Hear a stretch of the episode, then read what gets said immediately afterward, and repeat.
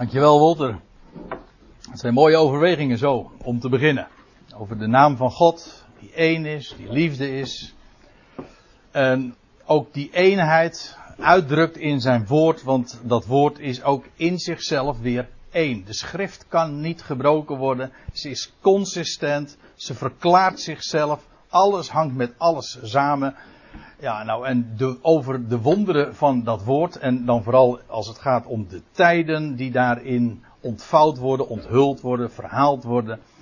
Daar gaan we vanavond opnieuw ons mee bezighouden. We hebben de vorige keer daar dus ook al over gesproken. Sterker nog, we hebben eigenlijk een enorme sprong in de tijd gemaakt. Want we zijn begonnen bij Adam. En we zijn uitgekomen. Ja, ik heb helaas. Ik had geen voeding bij me, dat wil zeggen voor de laptop. En ik heb nu ook geen pointer bij me, waarbij ik dingen kan aanwijzen. Dus ik moet het dan toch een beetje met mijn vinger doen. En anders uh, kijkt u maar wat beter gewoon. ja, of ik moet gaan lopen, maar dat doe ik ook maar niet met al die draden hier. Ik zit eigenlijk een beetje vast. Hier. We hebben een behoorlijke sprong zo in de tijd gemaakt, want we zijn begonnen bij Adam. En zo, zo uitgekomen bij de geboorte van Abraham. Abram, toen nog, bij zijn geboorte. In het jaar 2000. En vervolgens zijn we weer 500 jaar doorgegaan. Niet om en nabij, nee, met precisie bij de uittocht uit Egypte. En het lijkt mij handig en sowieso goed om het geheugen weer wat op te frissen. Wolter heeft daar zojuist al een uh, begin mee gemaakt. Maar voordat ik nou weer verder ga, in de volgende 500 jaren, een half millennium gaan we vanavond weer bespreken. Tenminste, dat is de bedoeling. Hoe ver ik ermee kom, dat uh, durf ik nog niet te beloven. Maar de bedoeling is eigenlijk dat ik, uh, dat ik iedere, iedere avond een hap van 500 jaar ga nemen. Maar voordat ik zo ver ben, wil ik eerst nog eventjes een paar dingen op een rijtje zetten. Wat hebben we de vorige keer nou gezien? Nou ja, zoals u dat hier al zo op dat plaatje ziet uitgebeeld. Maar we zijn zo de geschiedenis doorgegaan en het, begon eigenlijk met nogal wat rekenwerk, maar de Bijbel zet ons daartoe ook aan, want we vinden we in Genesis 5 en in Genesis 11 niet alleen maar geslachtsregisters, maar daar vinden we ook de perioden waarin ze hebben geleefd. En dat wordt zelfs dubbel opgedaan. Dus er wordt een grote nadruk gelegd op de, op de tijdspannen, op de chronologie. En daar hebben we het dus over, over tijdrekening. Adam, die leefde 130 jaar, staat er dan. En hij verwekte Zet. En daarna leefde hij nog zoveel, wat was het, 800 jaar. En hij werd in totaal, wordt er dan ook nog opgeteld, 930 jaar. Ik geloof dat ik het goed zeg, maar ik steek mijn hand er niet voor in het vuur. Maakt even niet uit. Het gaat even om het idee. Adam, die begon dus, en dat is het jaar 1. We hebben toen ook vastgesteld, zoiets als een jaar 0 bestaat niet in het Hebreeuws. Daar begint men gewoon in het eerste jaar. Dus als er staat, Adam verwekte Seth in zijn 130ste jaar. Toen was hij dus 129 jaar. In welk deel van het uh, van dat uh, 130ste jaar, dus toen hij 129 was. Uh, dat weten we niet. En dus hoor je, als je rekent te middelen, dan ga je gewoon halverwege het jaar staan. Dan, dat is gewoon ja, een correct reken. Als je dat niet doet, dan, dan maak je gewoon een. dan maak je. hoe zeg je dat? Dan maak je fouten in de rekening. Zo simpel is het gewoon. Ja, en dat is een, wat ik nu zeg. Het, ik, ik zeg het een beetje als een grapje. Maar het zal je gedacht zijn. In de gangbare chronologieën wordt dat altijd gedaan. Dat men al die, al die verwekkingsleeftijden van de aartsvader zo bij elkaar optelt. Maar dan maak je uh, iedere keer een, uh, een, een fout van een half jaar bij elke generatie. Nou ja, we, we, hebben zo dat, ik heb dat toen toegelicht, ga ik niet nu nog een keertje doen. We kwamen dus uit uh, bij Zet, die in het 130ste jaar dus verwekt werd. Dus toen Adam 129 jaar en nog wat was. Dus we rekenen 129,5. En vervolgens Enos. En toen Kenan. En toen Mahalalel. Ik heb gewoon de, de tijdstip er ook bij ge, bij vermeld en zo ongeveer in die tijdlijn geplaatst waar je dat dan ongeveer moet zien. Dus Mahalalel die werd geboren in het jaar 393, ja. En zijn zoon Jered. En dan kom je bij Henoch uit. Bij Methuselah. U weet wel, die legendarische. Nou ja, het is helemaal niet legendarisch. Maar zijn leeftijd uh, mag toch wel een beetje zo heten. Althans, hij is uh, de alleroudste geworden. 969 jaar is hij geworden. De, het millennium hebben ze geen van allen overtroffen. Maar ze kwamen er wel verdraaid dichtbij. Uh, Lamech, dat was in het jaar 870 dat hij geboren werd. Noach in het jaar 1051, halverwege. Sem in 1554. Ik geef het gewoon even weer. Ik heb, ik heb vorig jaar, of vorige, de vorige keer, heb ik de, de schriftplaatsen er ook allemaal bij vermeld. Dit is op zich allemaal uh, ja, vrij simpel. Maar, nou ja, goed. Uh, de vloed die begon dan in het jaar 1651. En dan gaan we weer eventjes een andere tijdlijn. Van de vloed tot Abraham. Dan de einde, het einde van de vloed was in 1652. Omdat die vloed maar één jaar duurde. En dan Arphaxad, die twee jaar na de vloed verwekt werd. Dat was dus in 1654. Sela in 1688. Enzovoort, enzovoort, enzovoort. En Nahor werd dan geboren in 1840. Tera, de vader van Abraham, in 1870. Ad hominis, zoals dat. Uh, nee, anno hominis, in het jaar van de mens, in het jaar van Adam. Zo, die jaartallen geef ik dus iedere keer hier weer. Dit is het jaar sinds Adam. Zo rekenen we. Zo bouwen we eigenlijk gewoon vanaf het, ja, vanaf het begin, het allereerste begin, de, de chronologie, de tijdrekening op. En dan, en dat was wel spectaculair, toen kom je bij Abraham uit in het jaar 2000. Precies. En dat bleek dan ook nog eens het sterfjaar te zijn van Noach. Allebei. Dus Noach als vertegenwoordiger van de voortijd. Die stierf, maar God maakte een nieuw begin in een nieuw millennium, in het 40ste jubeljaar. Dus een anachronisme, dat wil zeggen, dat bestond toen nog niet. Maar God blijkt op die wijze wel te rekenen en te werken. Maar daarover straks nog meer. In elk geval, in het jaar 2000, dat is mooi. En dat is, dat is een aanbeveling ook voor deze Bijbelstudies. Mag, dus een, uh, ik weet niet uh, of ik dat zo helemaal mag zeggen, maar het mooie, ik had het er met Menno in de auto nog even over. Eh, het mooie van deze Bijbelstudies is het geweldige goddelijke design. Dit is meer dan chronologie, dan tijdrekening. Dat, dat kan sommige mensen boeien, maar het boeiende, het geweldige van deze, uh, van de ontdekkingen die je gaat doen in het licht van de schrift, is dat het zo'n geweldig ontwerp te zien geeft.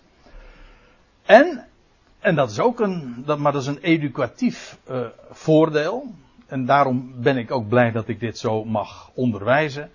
Dit is simpel.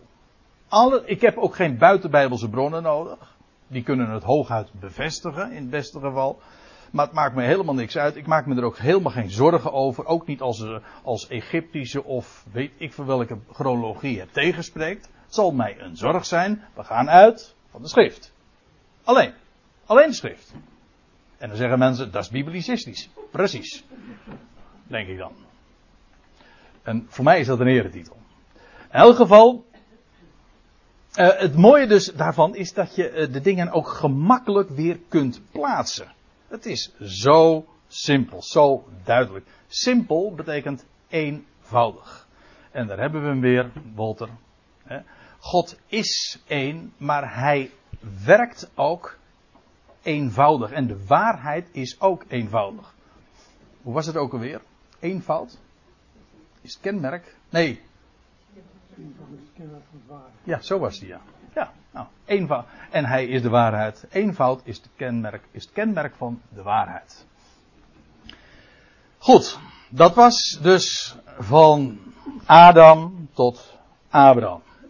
Een hap van maar liefst 2000 jaar. Hoewel die periode trouwens van de vloed tot Abraham betrekkelijk kort is geweest. En u moet zich realiseren. In een blogje dat ik na aanleiding van deze studie ook heb gegeven, of van deze studie heb gegeven, heb ik daar nog op gewezen dat de wereldbevolking in de dagen van Abraham nog uiterst klein moet zijn geweest. Hoe die eh, is geweest toen bij de vloed, dat is nog weer een ander punt, want dat is een hele brok van tijd, 1651 jaar. Dus dan kan de wereldbevolking enorm uitgedijd zijn. En sommige mensen hebben zelfs uh, berekeningen gemaakt waarbij men denkt zelfs in de termen van miljarden mensen. Ik geef toe voor wat het waard is. Het hangt er vanaf hoe, hoe je, ja, wat, uh, ja, hoe snel het allemaal uh, expandeerde. Maar in elk geval, dat zou kunnen. In theorie dan. Hè. De Bijbel doet er verder geen uitspraken over. Maar één ding is zeker. Na de vloed begon de wereldbevolking met acht zielen. Dat is niet veel. En dat betekent dat als, uh, dat was in 1652. Zag, u? En in het jaar 2000, in de dagen dus dat Abraham geboren werd, kan de wereldbevolking nog echt niet groot geweest zijn. Er is dan al wel sprake van volkeren, maar weet u, die volkeren waren gewoon families hoor. Uit de hand gelopen, uit de klauwen gelopen familie, zeg maar. Niet uit de hand gelopen, maar uit de klauwen gelopen familie. Vrij, flinke familie, meer niet. Een volk is van origine ook een familie. Vraag maar uh, aan Jacob. Hè? Het huis van Jacob, dat was gewoon een familie. En zo is dat volk uitgebreid. En dat geldt voor al die, al die volkeren. Maar ook die volkeren in de dagen van Abraham. Dat vind ik is een heel fraai voorbeeld. Eventjes um, als zij, in de dagen van Abraham, dan lees je dat, die, dat er een oorlog is. Met, um, ja, met de koningen van, uh, wat is het, van Kedar worden, wordt dan genoemd met de koningen van het noorden. En dan is er een hele strijd en dan is Lot, oh ja, die hebben dan uh, Sodom en Gomorra hebben ze bezet en, en, de, en de, de Sodomieten. uh, ja, die Sodomieters, uh, die, uh, die, hebben, die hebben ze uh, gevangen genomen. En, en, ook Lot. En dan is het, dan is het Abraham die met zijn leger van 318 man al die volkeren verslaat of en in ieder geval in staat is om ook uh, zijn neef Lot weer te bevrijden. Dat zijn zulke minuscule aantallen waar dan sprake van is. Maar dat was de wereldbevolking. Je moet dan echt denken in termen van hooguit tienduizenden mensen. Misschien honderdduizenden, maar meer in ieder geval niet. Meer dan een miljoen, dat lijkt mij vrijwel uitgesloten. Ik bedoel, dat is een kwestie van. Ga maar eens een keertje die tijdspannen uh, uitrekenen. Uh, hoe, je dan, hoe je dan uit kunt komen. In, ook in geval van een hele maximale expansie in het jaar 2000. Dat kan nooit zo al te veel geweest zijn. En dat is precies ook inderdaad de indruk die we hebben van de tijdsperiode van Abraham. Dat is een heel andere tijd geweest. Niet alleen de leeftijden waren toen anders. Hoewel het toen ook al heel erg sterk daalde. Maar ja, het is een totaal andere tijd. Zonder laptops en auto's en vliegtuigen, mag ik aannemen.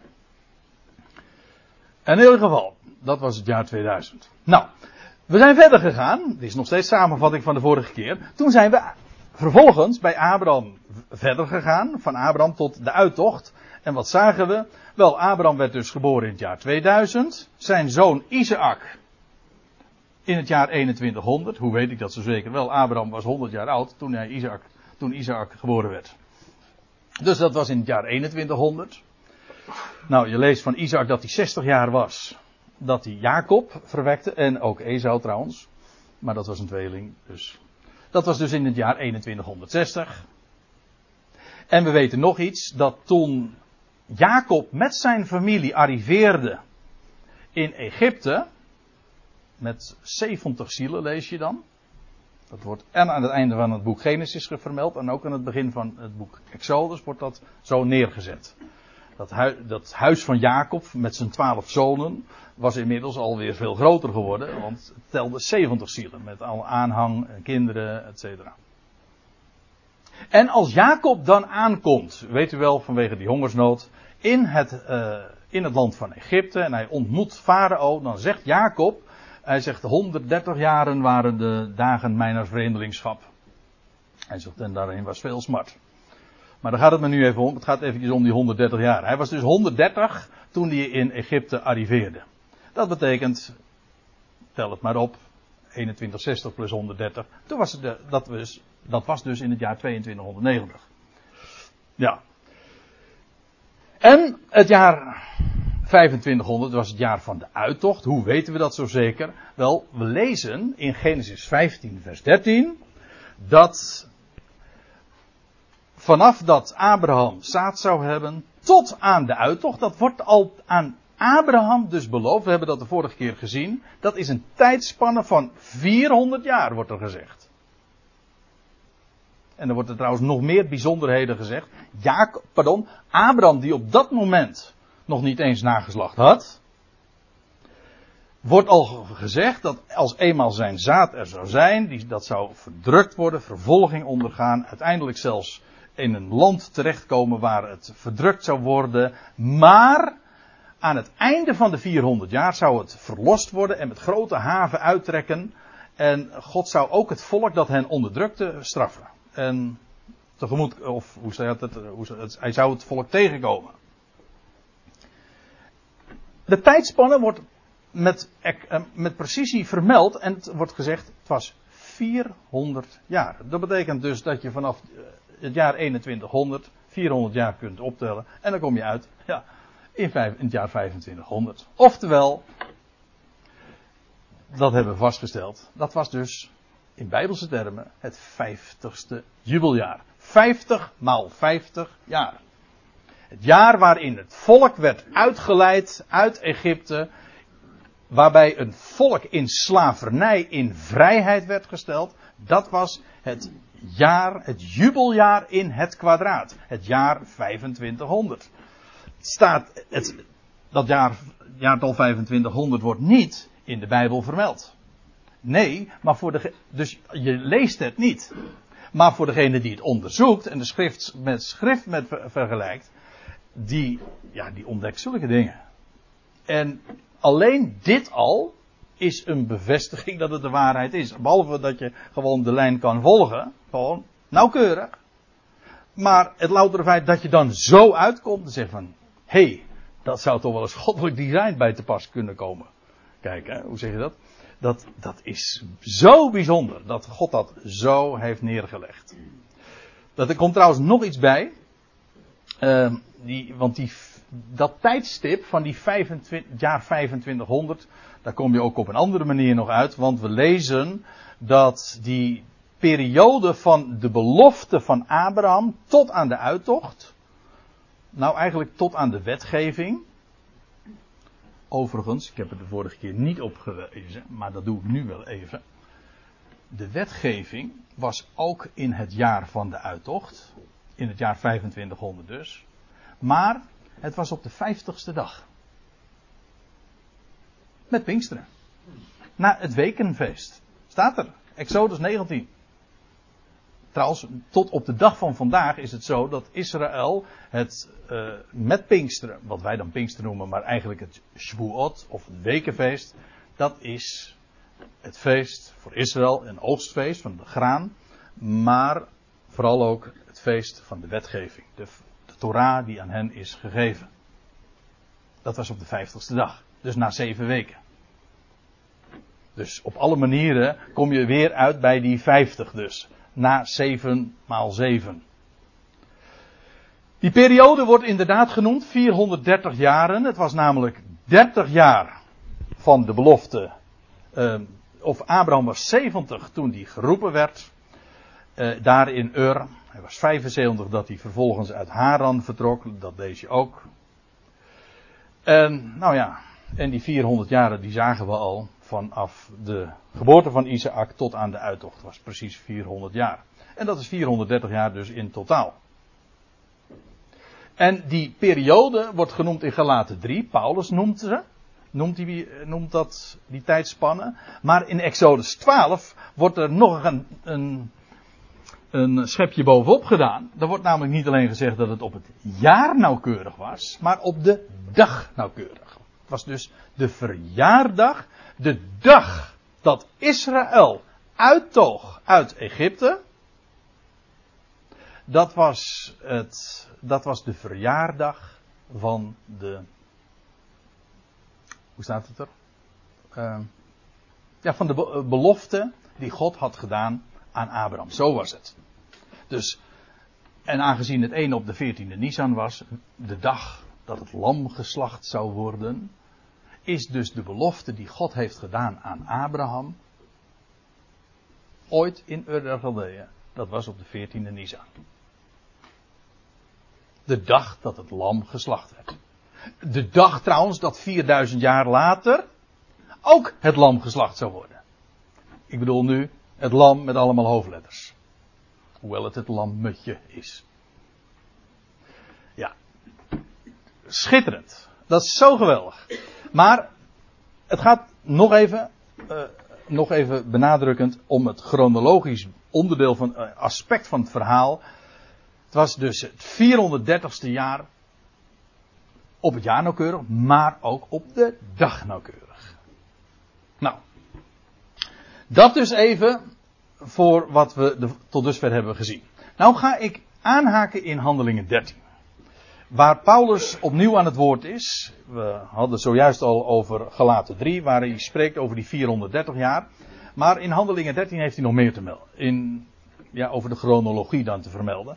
Daar is Paulus in de synagoge van Antiochië.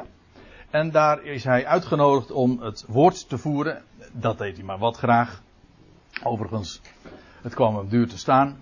Maar zo was het meestal. Het was nogal. Uh, het was niet allemaal erg uh, breed geaccepteerd, zal ik maar zeggen. Wat hij vertelde. Maar in elk geval, hij houdt daar zijn betoog. Hij zegt dan in vers 17 van Handelingen 13: De God van dit volk Israël. Hij spreekt tot een Joodse toehoorders in de synagoge, logisch hè. De God van dit volk Israël heeft onze vaderen uitverkoren. Isaac, Jacob, noem ze maar op. En het volk verhoogd toen zij bijwoners waren in het land Egypte. En hij heeft hen met hoge arm daaruit gevoerd. Zo wordt het heel vaak gezegd. Met een hoge arm, met sterke hand.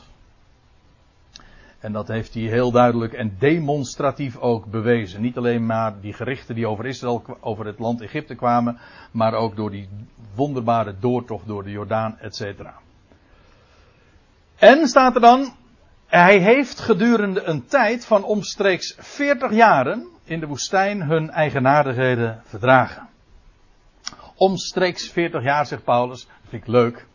Want uh, dat is toch echt uh, precies 40 jaar hoor. Nou ja, uh, in ieder geval op het jaar nauwkeurig. Sterker nog, op de maand nauwkeurig. Net niet op de dag nauwkeurig. Vandaar dus dat hij kon zeggen omstreeks. Maar het betekent dus niet zo van dat er nog een, uh, dat het misschien ook een paar jaar meer of minder zou kunnen zijn. Als hij zegt omstreeks 40 jaar, dan is dat dus echt 40 jaar. Het was, ik zeg op de maand nauwkeurig zelfs. Want je leest dus dat Israël uittoog in de maand Nisan. En ze kwamen weer aan in het land Israël. Was ook in de maand Nisan. Een paar dagen eerder. Ja. Dus met recht omstreeks 40 jaar. Trouwens, die periode van 40 jaar. Ik heb hier 1, 2, 3, 4 uh, getuigen genoemd. Stefanus, uh, David spreekt ervan, Jozua spreekt erover, Mozes spreekt erover. Het, die periode van 40 jaar, die, uh, die, periode van 40 jaar in de woestijn is al onbekend. Onderverdeeld in 2 jaar en 38 jaar. Ja, want de reis had veel korter kunnen duren, maar goed. In totaal is het dus een woestijnreis geweest van 40 jaar. Eigenlijk is het geen woestijnreis zozeer van 40 jaar. Is een omzwerving in het land, in het land van de woestijn geweest. 40 jaren daar. Dus, weer even de tijdlijn erbij. 40 jaar woestijnreis. Dus de aankomst in het beland, beloofde land was. Daar hoef je geen rekenwonder voor te zijn. Dat was in 2540. Ja. En staat er dan, na zeven volkeren uitgeroeid hebben. Ze worden, die worden trouwens ook genoemd in Genesis 15. Bij name. Alle zeven stuks. Uitgeroeid, wat dan betekent gedood, dan wel verdreven. Maar in ieder geval, er bleef in het land, er bleef in het land geen, eh, niemand over. Of geen van die volkeren bleef daar over. Of ze zijn verdreven, of ze zijn uh, een kopje kleiner gemaakt. Waarom dat zo was, daar heb ik de vorige keer geloof ik al wat over verteld. Want dat staat namelijk in Genesis ook vermeld. Waarom het honderden jaren zou duren voordat het volk pas zou uh, terugkeren naar het land. Want staat erbij, God is een geduldig God, eerder zou de maat der ongerechtigheid van de Amorieten, een verzamelnaam voor al die volkeren, eerder zou de maat der ongerechtigheid van de Amorieten niet vol zijn. God voert gericht, maar daar is hij langzaam in. Dat is karakteristiek. Er staat in de, in de wet, in de wetgeving, de tien woorden staat ook, die de ongerechtigheid der vaderen bezoekt aan de kinderen aan het derde en het vierde geslacht. Dat is een demonstratie van zijn geduld. Dus als de vaderen ongehoorzaam zijn, dan voert hij gericht, maar dat doet hij niet zomaar in de eerste generatie, doet hij ook niet in de tweede generatie, dan doet hij dat pas in het derde of in het vierde geslacht. Was met recht ook het vierde geslacht. Ja, het wordt ook in Genesis 15 vermeld. Het vierde geslacht zou heen terugkeren. In ieder geval, want dat was afschuwelijk wat in dat land plaatsvond. Dat is een hoofdstuk uh, apart, daar gaan we het nu niet over hebben. Maar als die hier staat uh, na zeven volken uitgeroeid te hebben, dat is, nog, dat is nogal wat. Maar uh, vergis je niet wat daar ook allemaal in dat land gedaan werd en hoe, hoe dat land zichzelf ook rijp heeft gemaakt voor het oordeel. Na zeven volkeren uitgeroeid te hebben, dat is trouwens niet in één jaar gebeurd hoor. Want er staat er nog bij, eh, heeft hij hun het land ten erfdeel gegeven. Het is niet zo van, nou ja, dat, uh, ze zijn aangekomen in het land, via de Jordaan, en dan komen ze daar bij Gilgal en Jericho, en dat ze zo in één jaar gewoon dat hele land verdeeld werd. En, nee, echt niet.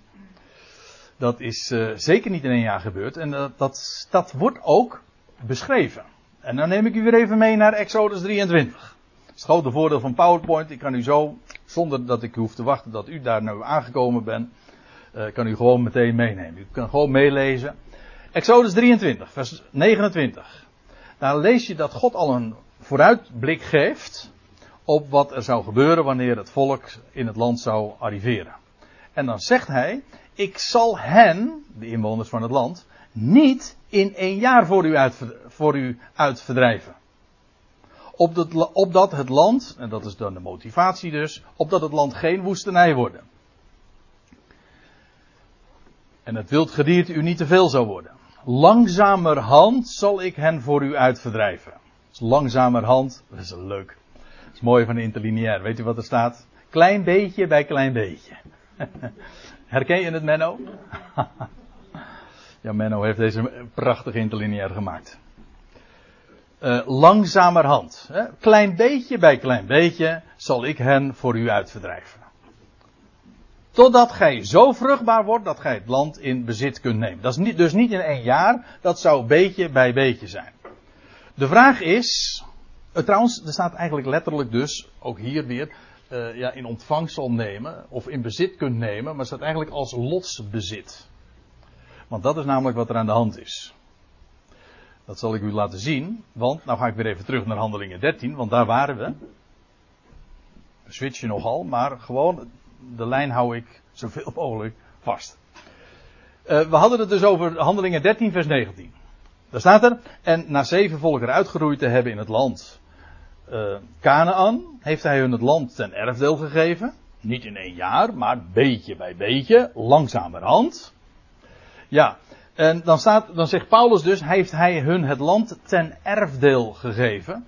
Maar dat staat er eigenlijk niet, erfdeel. Er staat eigenlijk, hij verdeelt door loting het land van hem. Het is zijn land. Ze kregen het niet tot bezit. Het was, nee, absoluut niet. Het land, de Heer zegt, jullie zijn, mogen het land bewonen. Maar het is mijn land. Niet dat van jullie. Eh, Israël kan er dus ook geen aanspraak op maken. Je kan niet zeggen het is het land van Israël. Israël kan dus, dus nooit daar op zich een claim op leggen. Ze hebben, de Heer heeft het hen beloofd, maar niet als bezit, maar als een loting. Ze kregen het toebedeeld. Het, erf, het begrip erfdeel eh, is een beetje ehm, tricky. Het is eigenlijk geen erfdeel. Het is, een, het is door want het is ook, ja, hoe, een erfdeel krijg je doordat iemand overlijdt. Maar hoe kreeg Israël het land dan? Niet doordat iemand overleed, natuurlijk. Maar het land werd verdeeld door loting. Zo wordt het heel duidelijk ook beschreven in, in het boek Jozua met name. Ja, zeg ik het goed. Door loting kregen ze dat deel. Het was dus met recht hun lot. In die, kijk, een erfenis is in feite ook een lotsdeel. Maar omgekeerd is niet waar. Dat is een scherpe. Of in ieder geval, moet je even over nadenken wellicht. Een erfdeel, een erfenis is ook een lotsdeel. Dat wil zeggen, je krijgt iets zomaar toebedeeld. Als lot. Zonder dat je er iets aan kan doen. Dat is eigenlijk wat een loting is. Het, je krijgt het. Maar een, een erfenis is wel een lotsdeel, maar een lotsdeel hoeft niet een erfenis te zijn. En in dit geval, Israël, het werd door, kreeg het land door loting toegewezen. En dat is, dat is het begrip. Als u in de Bijbel het begrip erfenis leest, dan staat er eigenlijk iedere keer lotsdeel. En dat moet je zo letterlijk mogelijk lezen. En in heel veel gevallen inderdaad zo letterlijk dat het door loting werd toebedeeld. Dat is een heel Bijbels principe. Als je iets aan God overlaat, dan lood je. Kijk, bij, ons uh, loten we gewoon voor, voor, de aardigheid, voor de grap. Is gewoon een spelletje. Maar voor, voor een, een gewoon in Bijbels opzicht, is loting een heel goddelijk ding. Want daarmee zeg je van, nou, wij trekken onze handen ervan af. En het is God die beslist. Dus net als jij, uh, als jij het lot werpt, ja, dan weet je, je weet niet hoe het gaat. Eigenlijk geef je het over aan God. En de, spreukenschrijver Salomo die zegt ook dat uh, elk, nou kan ik het even niet reproduceren, elke beslissing, nee, het lot, ja, zo staat het. Het lot wordt in de schoot geworpen. Staat er ergens in spreuk, ik meen uh, hoofdstuk 20. Het lot wordt in de schoot geworpen, maar elke beslissing daarvan is van de Heer. Dat wil zeggen, een mens kan daar met zijn jatten niet bij komen. Om het toch ook een beetje, beetje joods te zeggen. Nee, dat is aan hem. Nou, in ieder geval, het land werd toebedeeld aan Israël door loting. Zo kregen ze het ten deel. Maar dat is niet in één, jaar gebeurd. Dat, is door, dat gebeurde pas nadat die zeven volkeren uitgeroeid zijn en het land dus in zijn geheel bezet werd door het, het volk. En hoe lang hebben zij daarover gedaan? Hoe lang heeft die periode geduurd? Nou, nou zou je kunnen speculeren, speculeren bijvoorbeeld, en er, zijn ook redenen voor om, uh, om, om in ieder geval in de goede richting gezet te worden. Je leest bijvoorbeeld van Caleb, dat hij 85 jaar oud was, of 84 jaar. En dat was toen het zuidelijk deel van het land inmiddels al bezet was en veroverd was. Het noordelijk deel nog niet, maar het zuidelijk deel was toen bezet. En Caleb was toen 85 jaar oud en dat was dus vijf, ja, dat was vijf jaar na de intocht. Dat kan niet missen, want hij was namelijk bij het begin van de 40 jaar 40 jaar ik geef toe, die, daar had ik een plaatje bij, moeten maken. Maar uh, vergeet het, vergeet het. Want dit is, uh, nou nee, dit op zich is dit wel bijbels hard te maken. Maar het is, het is eigenlijk de omweg. Het is een, een, nogal ingewikkelde route. Dan kun je gaan speculeren van nou, het zuidelijk deel, daar is vijf jaar over gedaan om het te bezetten. Dus dan zal het no noordelijk deel ook ongeveer vijf jaar wel daarover gedaan zijn. Dus pak weg tien jaar. Dat zou je kunnen speculeren, maar aan speculatie hebben we niet zoveel. Nou gaan we eventjes doorlezen. Wat staat er namelijk? Wij, ons, wij worden hier gewoon in bediend. Zo op onze wenken. Na zeven volkeren uitgeroeid te hebben, ik lees weer vanaf vers 19, in het land Canaan heeft hij hun land hun ten erfdeel gegeven, omstreeks 450 jaar lang. Aha. Ja, ik moet er, eh, voordat ik hier nu verder op inga, wil ik eerst eventjes erop wijzen dat degenen die een statenvertaling hebben, ernaast zitten. Ja, dat zeg ik niet zo gauw, want dus meestal is de statenvertaling beter dan de NBG-vertaling. Maar, en dat heeft in dit geval niets met de vertaling te maken, maar met de, de, de, de grondtekst waar het op gebouwd is, namelijk de Textus Receptus, mag u ook weer vergeten. Maar het is in strijd met alle grote oude handschriften. De Vaticanus, de Sinaiticus, de Alexandrinus, Die zijn unaniem. Dit is de lezing. In de Statenvertaling staat er dan van. En daarna omtrent 450 jaren gaf hij een richters tot op Samuel. En dan laten ze die 450 jaar slaan op de periode van de richters tot op Samuel. Staat er niet. Die 450 jaren uh, heeft, houdt verband met de tijd dat hij, dat hij hen aan, aan Israël dus het land ten erfdeel gaf. Dat was aan het einde van een periode van 450 jaar. En ik zou zeggen, kleur het plaatje nu zelf in. Want, wat zagen we? Staat omstreeks 450 jaar. Nou, dat woordje omstreeks, dat, die kennen we inmiddels, hè? ja, twee versen eerder lazen we dat namelijk ook al. Omstreeks 40 jaar, weet u wel. Dat was op de maand nauwkeurig. Niet op de dag, maar op de maand nauwkeurig. Maar goed. Ja, er staat ongeveer, letterlijk staat er, ongeveer, letterlijk staat er, je ziet het hier in de interlineair. Ongeveer in jaren 450. 400. Kent u hem nog? Deze. Vanaf de geboorte van Isaac tot aan de uittocht uit Egypte was 400 jaren. De beroemde 400 jaren. Op het jaar nauwkeurig dus. Daarna kreeg je 40 jaren in de woestijn. Dat was dus 440 jaar. Maar hier werd gerekend totdat het land, totdat het volk het land ten erfdeel kreeg. Dat wil zeggen als lotsdeel. En dat gebeurde pas nadat de zeven volkeren uitgeroeid waren en, zij, en hun het land als lotsdeel gegeven werd. Dat gebeurde dus niet meteen bij de intocht. Daar zat een tijdspanne tussen. Dat is langzamerhand gebeurd. En speculatief hadden we al vastgesteld. Ik heb niet de bonnetjes erbij gegeven van, nou dat zou zomaar eens een periode van tien jaar geweest kunnen zijn. Maar die speculatie kun je gewoon weer vergeten. Want hier staat het gewoon zwart op wit. Die periode totdat Israël het land als lotsdeel kreeg, dat was een periode in totaal van 400 jaren, de 400 jaren en 50 jaren. 40 jaar woestijnreis en 10 jaar van verovering van het land. En waarna vervolgens dus hun, het land ten, uh, ja, werd het land uh, verloot. En daarna, ja. Dus dat is deze periode. Ja, die liet ik al zien. Het land werd, was dus veroverd. Hé, hey, dat is weer mooi hè. Dat was dus weer een jubeljaar.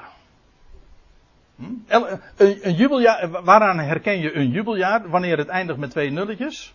Of met vijf en een nul? Heel simpel. Dus 2100 was een jubeljaar, maar 2150 weer.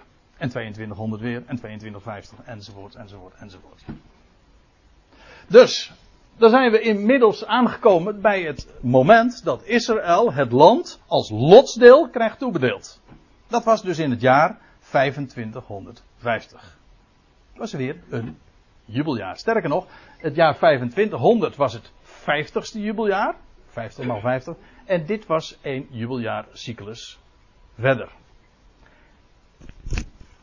Vanaf dat moment, dat is deze periode dus, 450 jaren. 450 jaren vanaf de vaderen tot aan de verdeling van het land. Dat is wat Paulus in de synagoge van Antiochië zegt. Die periode is 450 jaar. En toen het land hen eenmaal ten deel was gevallen, ja, toen begon de telling van de Sabbatsjaren. En want, hoe weet ik dat? Wel, dat was namelijk al heel duidelijk in de wet zo uh, vastgelegd. Ik neem u mee naar Leviticus 25. God spreekt daar tot, tot Mozes en die moet vervolgens de boodschap weer doorgeven. Spreek tot de Israëlieten en zegt tot hen. Wanneer gij in het land komt. Nou, daar waren ze gearriveerd. En dat ik u geef. Nou, daar, dat, dat heeft dus tien jaar geduurd. Dan zal het land rusten. Een sabbat voor de heren. Nou ja, wat, wat bedoelt hij dan? Nou, dat gaat hij uitleggen. Zes jaar zult gij uw akker bezaaien. En zes jaar zult gij uw wijngaard snoeien en de opbrengst daarvan inzamelen. Dat is niet zo moeilijk. Zes jaar achtereenvolgende jaren. Dus op het moment dat zij in het land zouden komen en het hen gegeven zou zijn, dus inderdaad hen als lotsbezit gegeven was, dus in het, jaar, in het 450ste jaar, hè? dus dat was in het jaar 2550, dan begint een nieuwe cyclus. hey, maar let nog even op. Uh, wat, wat, betekent dat?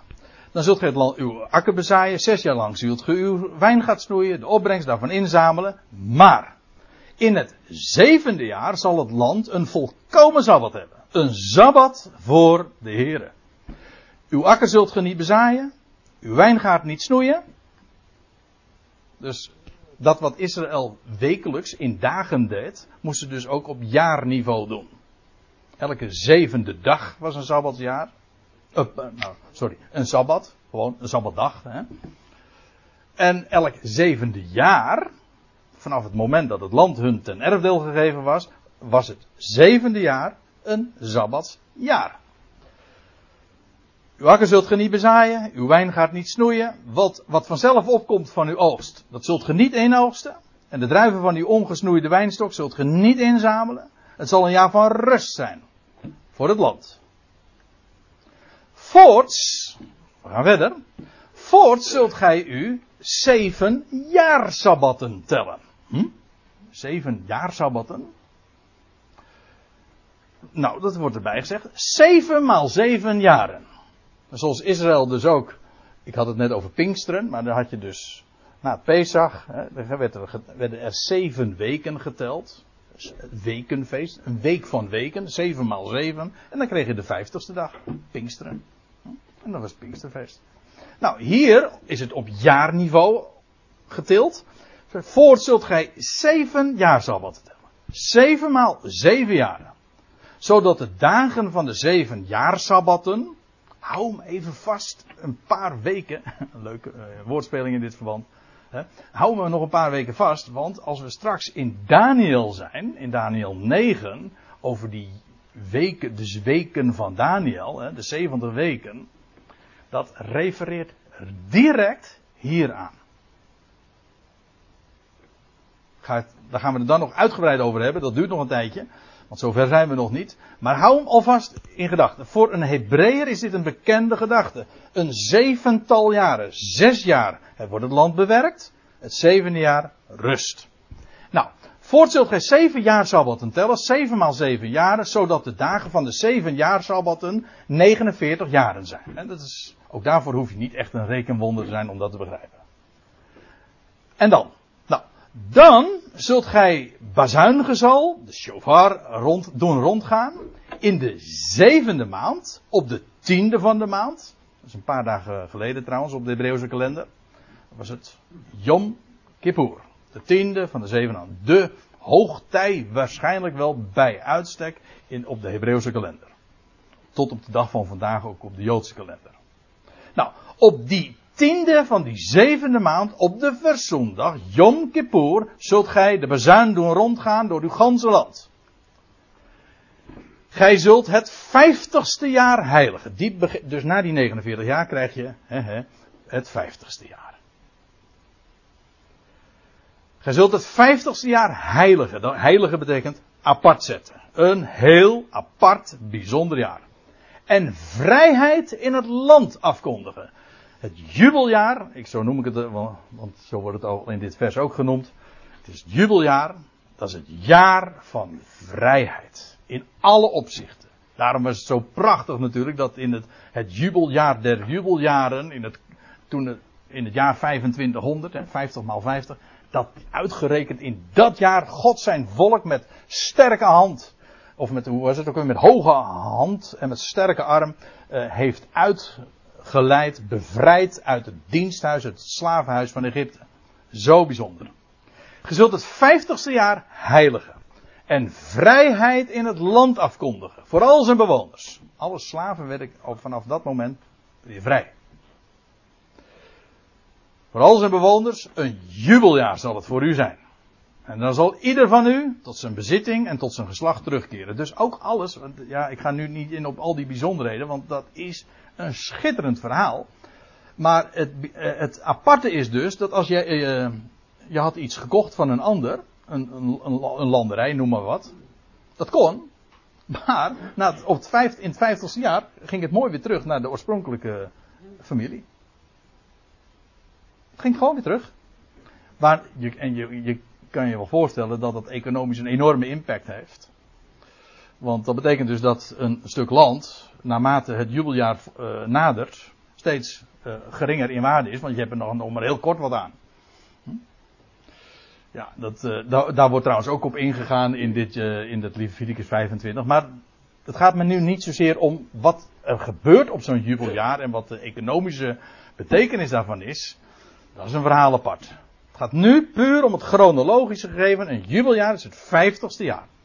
Dan zal ieder weer tot zijn bezitting en tot zijn uh, geslacht uh, terugkeren. Weer terug bij af. Dus alles wat je had, moest weer, ging, weer terug naar de oorspronkelijke bewoner. Een jubeljaar zal dit vijftigste jaar zijn voor u. En dan zult ge niet zaaien, ook dan niet dus. Op dus in het 49ste jaar, dat was een verzabbeldsjaar. Maar het 50ste jaar ook niet. Dan zult ge niet zaaien. En, en wat dan vanzelf opkomt, zult ge niet oogsten. En dan zult ge de ongesnoeide wijnstok niet aflezen. Dan krijg je dus eigenlijk twee jaar achter elkaar. Hè? Ja. Nou, en dan lees ik even verder. Nou sla ik een heel aantal versen over. En dan komen we in vers 19. En het land zal zijn vrucht geven. Zodat gij tot verzadiging eet. En daarin veilig woont. De Heer had gezegd. Het is een land overvloeiende van melk en honing. En jullie krijgen meer dan genoeg. God is een God van overvloed. En dat had hij op voorhand beloofd.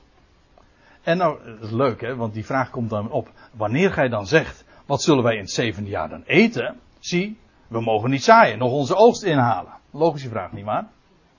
Dan zal ik mijn, mijn zegen in het zesde jaar over u gebieden. En het, en het u een opbrengst geven voor drie jaren. Dus dat was trouwens op de uh, was op de vrijdag, uh, de dag voorafgaand aan Sabbat, met manna ook al het geval. En dan gaf de Heer ook gewoon meer dan genoeg. Ja, zo. ja, nou ja, daar, uh, daar zou je een hele mooie overdenking over kunnen houden. Maar dat doe ik nu niet. Dan zal, ik, dan zal ik mijn zegen in het zesde jaar over u gebieden en het u een opbrengst geven voor drie jaren. In het achtste jaar zult, in het achtste jaar zult ge weer zaaien. Ja, want dat is dan weer de, het jaar van de nieuwe cyclus. Maar, van de, maar dan van de vorige oogst eten tot in het negende jaar. Dus met andere woorden, uh, ja, voor drie jaar dus. Dus uh, in het 49ste jaar, uh, in het 48, hè? in het 48ste jaar, ja, heeft men nog de oogst binnengehaald. Maar in het 49ste jaar niet, want het is een sabbatjaar, het 50ste jaar weer niet. En, en het jaar daarop, in de loop van het jaar, uh, ja, moet men nog steeds dus eten van, van dat 48ste jaar, zeg maar. Hè? Dat, dat zou zo, precies, dat is wat de Heer belooft. Heer zegt, maak je daar geen zorgen over. Maar dan wordt er een, een beroep gedaan op je geloof. Ja, dat was net zoiets als toen het land, toen, toen, toen God had gezegd, ik ga jullie het land geven. En elke, elke voetstap die jullie op het land zetten is van jullie. Gewoon, punt. Maar ja, toen, kwamen, toen waren er een paar verspieders. En de mensen, oh, wat dat zijn al grote mensen, waren reuzen. Waarom, dat is nog een verhaal apart. Maar eh, dat was onmogelijk om het in bezit te nemen. Er waren maar twee mensen die zeiden, ja, dat mag allemaal waar wezen. Die, zij hadden ook niet hun ogen in een zak zitten. Ze hadden dat ook wel gezien, dat het eigenlijk onneembaar was. Maar God had gezegd, zo, ik geef het je. Punt. Dus, wat is het probleem? Ja. Nou, het probleem is, je moet God geloven op zijn woord. Maar dat is een risico. Dus, hè? Ja.